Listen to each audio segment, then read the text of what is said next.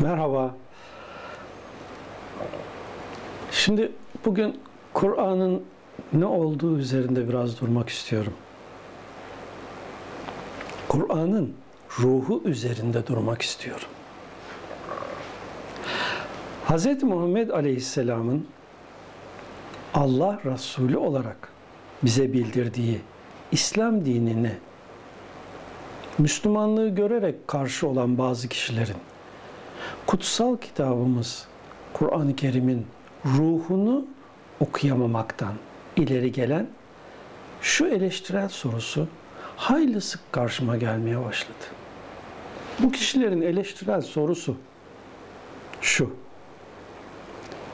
Hz. Muhammed 1400 küsur sene önce yaklaşık 5000 kişinin yaşadığı ve çoğunluğunu ilkel düşünceye sahip insanların oluşturduğu bir topluluğa peygamber olarak gelmiştir. Kız çocuğunu büyüdüğünde ar olur diye diri diri kuma gömüp öldüren, kadının bir mal gibi sayısız, sınırsız ölçüde alınıp satıldığı, kadının bir insan olarak dahi görülmediği ve hiçbir hakkının olmadığı bu toplumda sorular ve sorunlar elbette ki o toplumun anlayış seviyesine göre şekillenmiş. O soru ve sorunların çözümü de Kur'an'ın şekillenmesine vesile olmuştur. Eğer Hz. Muhammed o bölgede değil de kutuplarda dünyaya gelseydi peygamberlik döneminde tebliğ edeceği kitap Eskimoların yaşadıkları toplumsal şartlara, örf ve adetlere göre oluşan soru ve sorunlara göre şekillenecekti.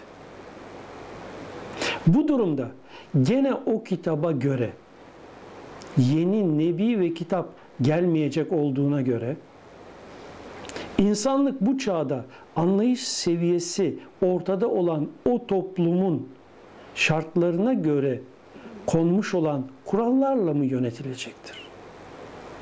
Bu kurallar o kitabı bırakın çağlar öncesine hitap etmeyi düne veya bugüne göre dahi geçersiz kılmaz mı? Dünya genelinde yaşayan sayısız topluma 1400 küsur sene öncesinin anlayışına göre şekillenmiş kurallar ile nasıl hitap edilebilir? Kur'an insanları 1400 yıl öncesine döndürerek mi cennete sokacak?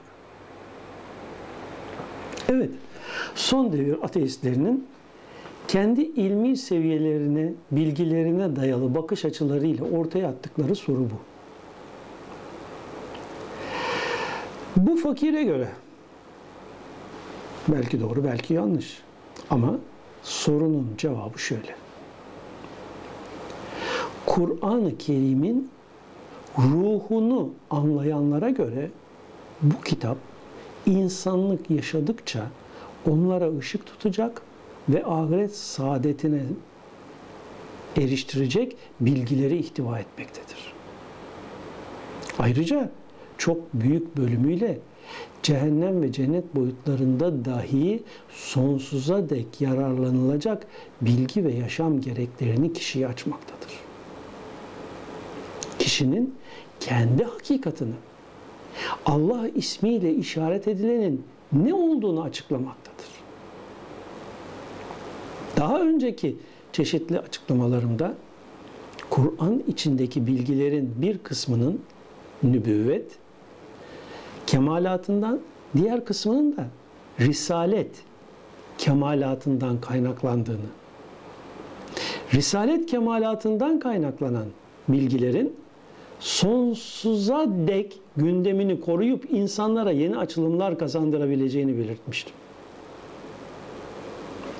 Risalet kemalatından tebliğ olunan İhlas suresi, Fatiha suresi gibi nübüvvet kemalatından kaynaklanan ve toplumsal yaşam içinde insanların davranışlarına yön veren evlenme, miras, şahitlik, kısas gibi konular ise insan dünyada yaşadığı sürece gündeminde kalan ve kişinin ölümüyle birlikte o kişinin gündeminden düşen hükümlerdir. Şimdi burada Kur'an-ı Kerim'in ruhunu fark edip anlamaya çalışalım. Kur'an insanları asırlar öncesi ilkel yaşama döndürme ve insanları geriye dönük yaşama sabitleyip kilitlemeye dönük olarak mı bize tebliğ edilmiş bir kitaptır? Yoksa insanları geleceğe hazırlanmaya, insanlara tekamül, gelişme yollarını göstermeye, en mükemmele yönlenmeye mi teşvik etmektedir? Bu yüce kitabı en iyi anladığına inandığım kişilerin başında gelenlerden Hazreti Ali bu anlayışa dayalı olarak şöyle demiştir. Çocuklarınızı yaşadığınız devre göre değil, yaşayacakları devre göre yetiştiriniz. Yani çocukluğu ve gençliği Hz. Muhammed Aleyhisselam'ın yanında geçip Kur'an ruhunu ondan edinmiş olan zatın bakış açısıdır bu. Geleceğe dönük yaşam tarzı ve bakış açısı. Eğer nübüvvet çeşmesinden toplumu sulayan hükümlere bakılırsa bunların hepsi geçmişte ve o asırlarda adeta insan yerine bile konmayan o güne kadar ticari seks meta hükmündeki dişilik, dişilere kadınlık haklarının edindirilmesi amacına dönüktür. Onların ticari mal olarak görülmeleri yasaklanmış, onlara eş olarak belirli haklar edindirilmiş, toplumda sözü geçmezken şahit olma hakları teslim edilmiştir. Mirastan pay alma hakları oluşturulmuştur. Şimdi lütfen izan ve basiretle anlamaya çalışarak şu gerçeği fark edin. Kur'an ruhu itibariyle eskide kalmayı önlemek, geriye dönüşü durdurtmak, haksızlıkları ortadan kaldırmak, insanları sürekli ileriye dönük değerlendirme yapma, teşvik amacıyla hükümler getirmiştir. O her an yeni bir şandadır ayetiyle Allah'ın ahlakı bildirilirken, özelliği bildirilirken insanların da her an kendini yenilemesi istenmiştir. Benim kişisel kanaatim olarak kimseyi bağlamaz. Kur'an'ı daha gerçekçi değerlendirmeye vesile olur diye düşünerek belirtirim ki Kur'an bu hükümleri getirirken dememiştir ki bu hakları arttırıp eşitliği sağlamayın. Burada kalın, ileri gitmeyin. Kadınlar ikinci sınıf olarak kalsın, tekamül etmeyin. Böyle bir şey demiyor Kur'an. Sayısız dişi alma hakkını bir aşama olarak dört ile sınırlarken tek eşle yaşamanın çok daha yararlı olduğu yolunda uyarısı var. Bu hedef olarak gösterilmiştir. Zekat asgari insanların hakkı olarak gösterilirken sadaka altında varlığındakileri olabildiğince insanlarla paylaşmanın faziletinden söz edilmiştir. Yani kadına edindirilen haklar nihai son hak, son sınır değil. Toplumun erkeklerin ve kadınların tekamülü nispetinde geliştirilecek haklar manzumesinin temelidir. Söz hakkı olmayan kadına iki kadından biri olarak şahit olma hakkı kazandırılmışsa bu ebeden bu kadardır anlamında değil ki. Kadının kendini geliştirmesi oranında erkekle eşit hakları olabileceğine işaret anlamındadır kanaatimce. Söz hakkı olmayanın hiç olmazsa ikisi bir arada insan olarak yaşayıp şahit olmasına olanak sağlamıştır. Ama zaman içinde toplum olarak kadının değerini anladığınız zaman onun da sizin gibi bir Allah kulu olduğunu insan olarak ve halife olarak kadının yeryüzünde yer aldığını fark ettiğiniz zaman tek başına erkekle aynı haklara sahip olmasını engellemeyin anlamında olarak. Bir toplum kadına bir erkekle beraber tek başına şahit olma hakkı tanıyorsa bu asla Kur'an'ın ruhuna ters düşmez anlayışıma göre. Ve hatta evla olan da budur. Mirasta payı olmayan kadına hiç değilse erkeğin yarısı kadar hak edindirilirken o günün şartlarına göre bu demek değildir ki sakın ola fazlası verilmeye. Aksine eşit pay verilmesi toplumun Kur'an ruhuna göre gelişme göstermesinin işaretidir. Yani Kur'an ruhu geriye dönmeye taban sınır getirmiştir bu hükümlerle. Fakat ileriye doğru uygulamaları asla sınırlamamıştır. İşte getirdiği ileriye dönük sınırlaması olmayan insan haklarıyla ihtiva ettiği bu ilerisi açık anlayış dolayısıyla artık Kur'an'dan sonra yeni bir kitap gelmesine gerek kalmamış ve Hz. Muhammed Aleyhisselam Hatemin Nebi, son Nebi olmuştur. Ölüm ötesi yaşam şartları ve Allah'ı bilme yönleri itibariyle Risalet yollu sistemi açıklayan Kur'an nübüvvet yoluyla da insan haklarını o günün şartlarında olabildiğince iyileştirmiş, geliştirmiş ve bunları asgari taban sınır olarak tespit edip bunun zaman içinde daha da geliştirilmesini yasaklamamıştır. İşte bu temel prensip anladığım kadarıyla Kur'an'ın ruhudur ki o aziz kitabın sonsuza dek geçerliliğini ve başka bir kitap gelmesine ihtiyaç duyulmamasını temin etmektedir. Evet, eğer bunu fark edebildiysek şimdi iş önemli olan nokta Kur'an'ı okuyabilmektir. Kur'an'ın ruhu konusunu bazıları anlayamıyor. Yanlış anlıyor. Şimdi bu konuyu biraz daha açmamız gerekiyor.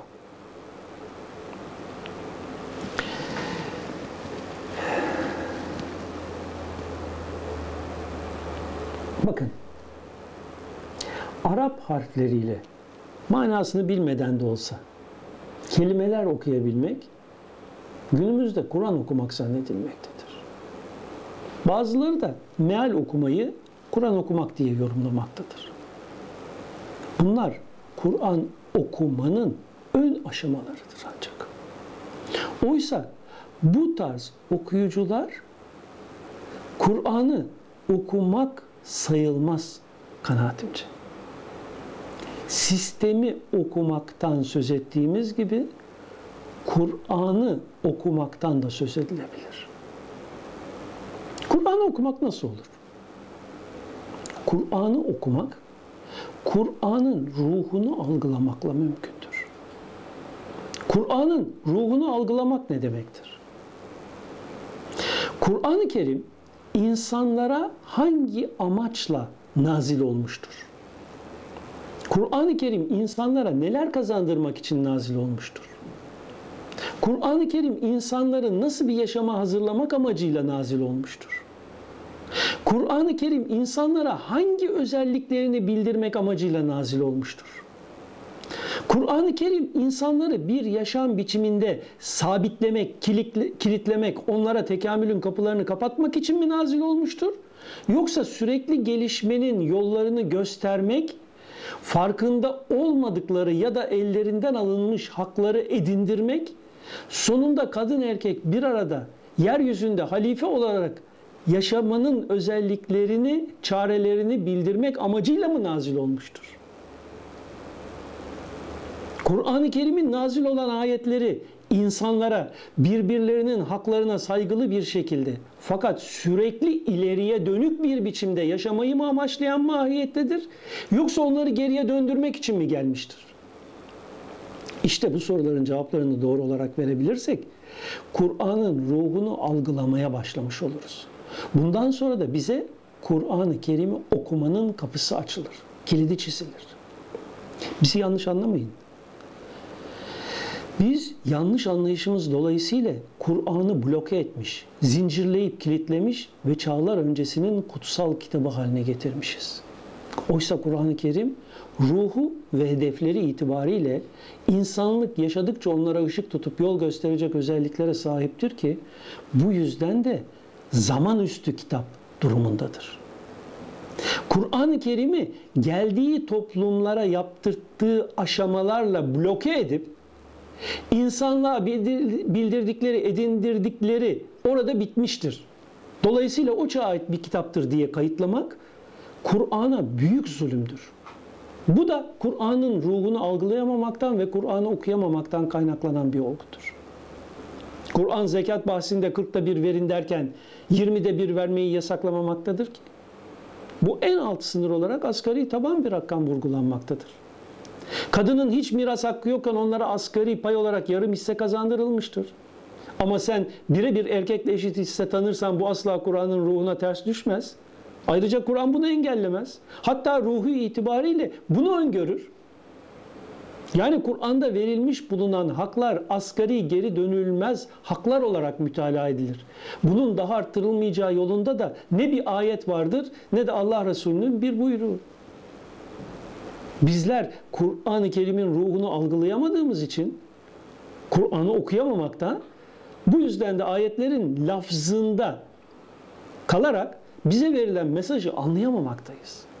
Bundan sonra da Kur'an-ı Kerim bu anlayışsızlığımızı bloke edip günümüze hitap etmemektedir diye ahkam kesmekteyiz. İnsanlar bir yasa yapmaya gerek duyduklarında o yasayı çıkarmaya duydukları gerekçe o yasanın ruhudur. O ruha göre, o düşünce tarzına göre uygun anlatım şekli bulunur ve cümlelendirilir. Ve böylece yasa maddesi meydana gelir. Hakim yasayı uygulayacağı zaman olay ile o olayı değerlendiren bakış açısı arasındaki bağlantıyı kurar ve yasanın oluşmasına sebep olan gerekçeyi esas alarak olayı değerlendirir. Hakim yasayı ruhuna uygun olarak değil de lafzına göre değerlendirip karşısındaki olaya hükmederse büyük olasılıkla yanlış yapar. Çünkü değerlendirmede esas yasanın lafzı değil ruhu olmalıdır. Yasalar ruhuyla var olan varlıklardır. Yalnızca lafzıyla var kabul edildiği zaman amaçtan sapma meydana gelir. Hakimin vicdanı yasanın ruhuyla olayı değerlendirmeyi sağlamak içindir. Yoksa verin kanun maddelerini bilgisayara, bilgisayar yargılasın. İşte Kur'an-ı Kerim'i okumak için de o ayetlerin hangi olayda, hangi amaçla erkeğe veya kadına veya insana ne kazandırmak gayesiyle nazil olduğuna bakmak ve ona göre değerlendirme yapmak gerekir.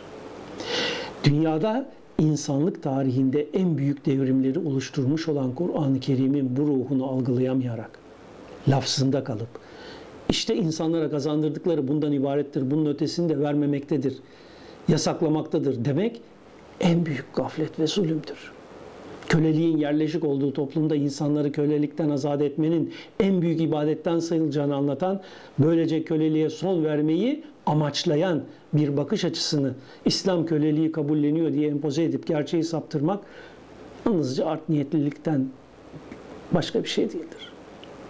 İnsan haklarına tecavüz engelleme dışında hiçbir konuda zorlayıcı olmayan İslam dinini Resulüne dahi sen onlar üzerine zorlayıcı değilsin ayetine rağmen zorlayıcı ve baskıcı bir din anlayışı diye itham etmek, tanımlamak, yaymak çok büyük bir haksızlıktır ve Kur'an ruhunu hiç algılamamış olmanın açık bir ifade şeklidir. Dünyada en geniş şekliyle insan hakları, demokrasi yalnızca İslam dini prensipleri içinde vardır. Çünkü hiçbir konuda insanlara zorlama yoktur. Kur'an-ı Kerim'de insanlara. Kur'an-ı Kerim insanlara geleceklerinin huzur ve saadet getirmesi için gerekli olan bütün fikirleri teklif eder. Bunları uygulayanların kazançlı çıkacağını, uygulamayanların da karşılaşacakları şartlar dolayısıyla büyük pişmanlığa düşeceklerini, bunu asla telafi edemeyeceklerini bildirerek yapmaları gerekenleri bildirir.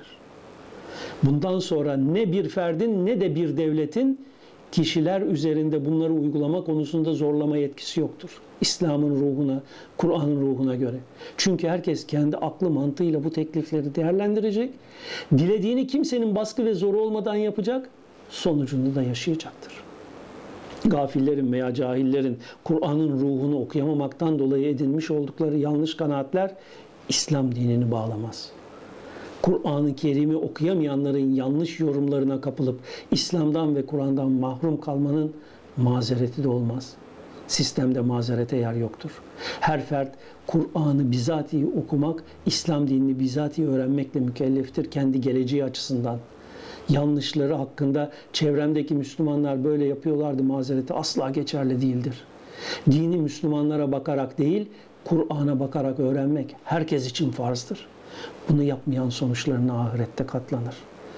Öyleyse artık fark etmeliyiz ki kadın erkek tüm inananlara halife olarak yaratılmış bulunduklarını fark ettirmek ve gereğini yaşatmak için ölüm ötesi yaşam şartlarını bildirip ölüm ötesi yaşam güzelliklerinin elde edilmesinin öğrenilmesi için gelmiş olan Kur'an'ı okumak en birinci vazifemizdir. Hoşçakalın efendim.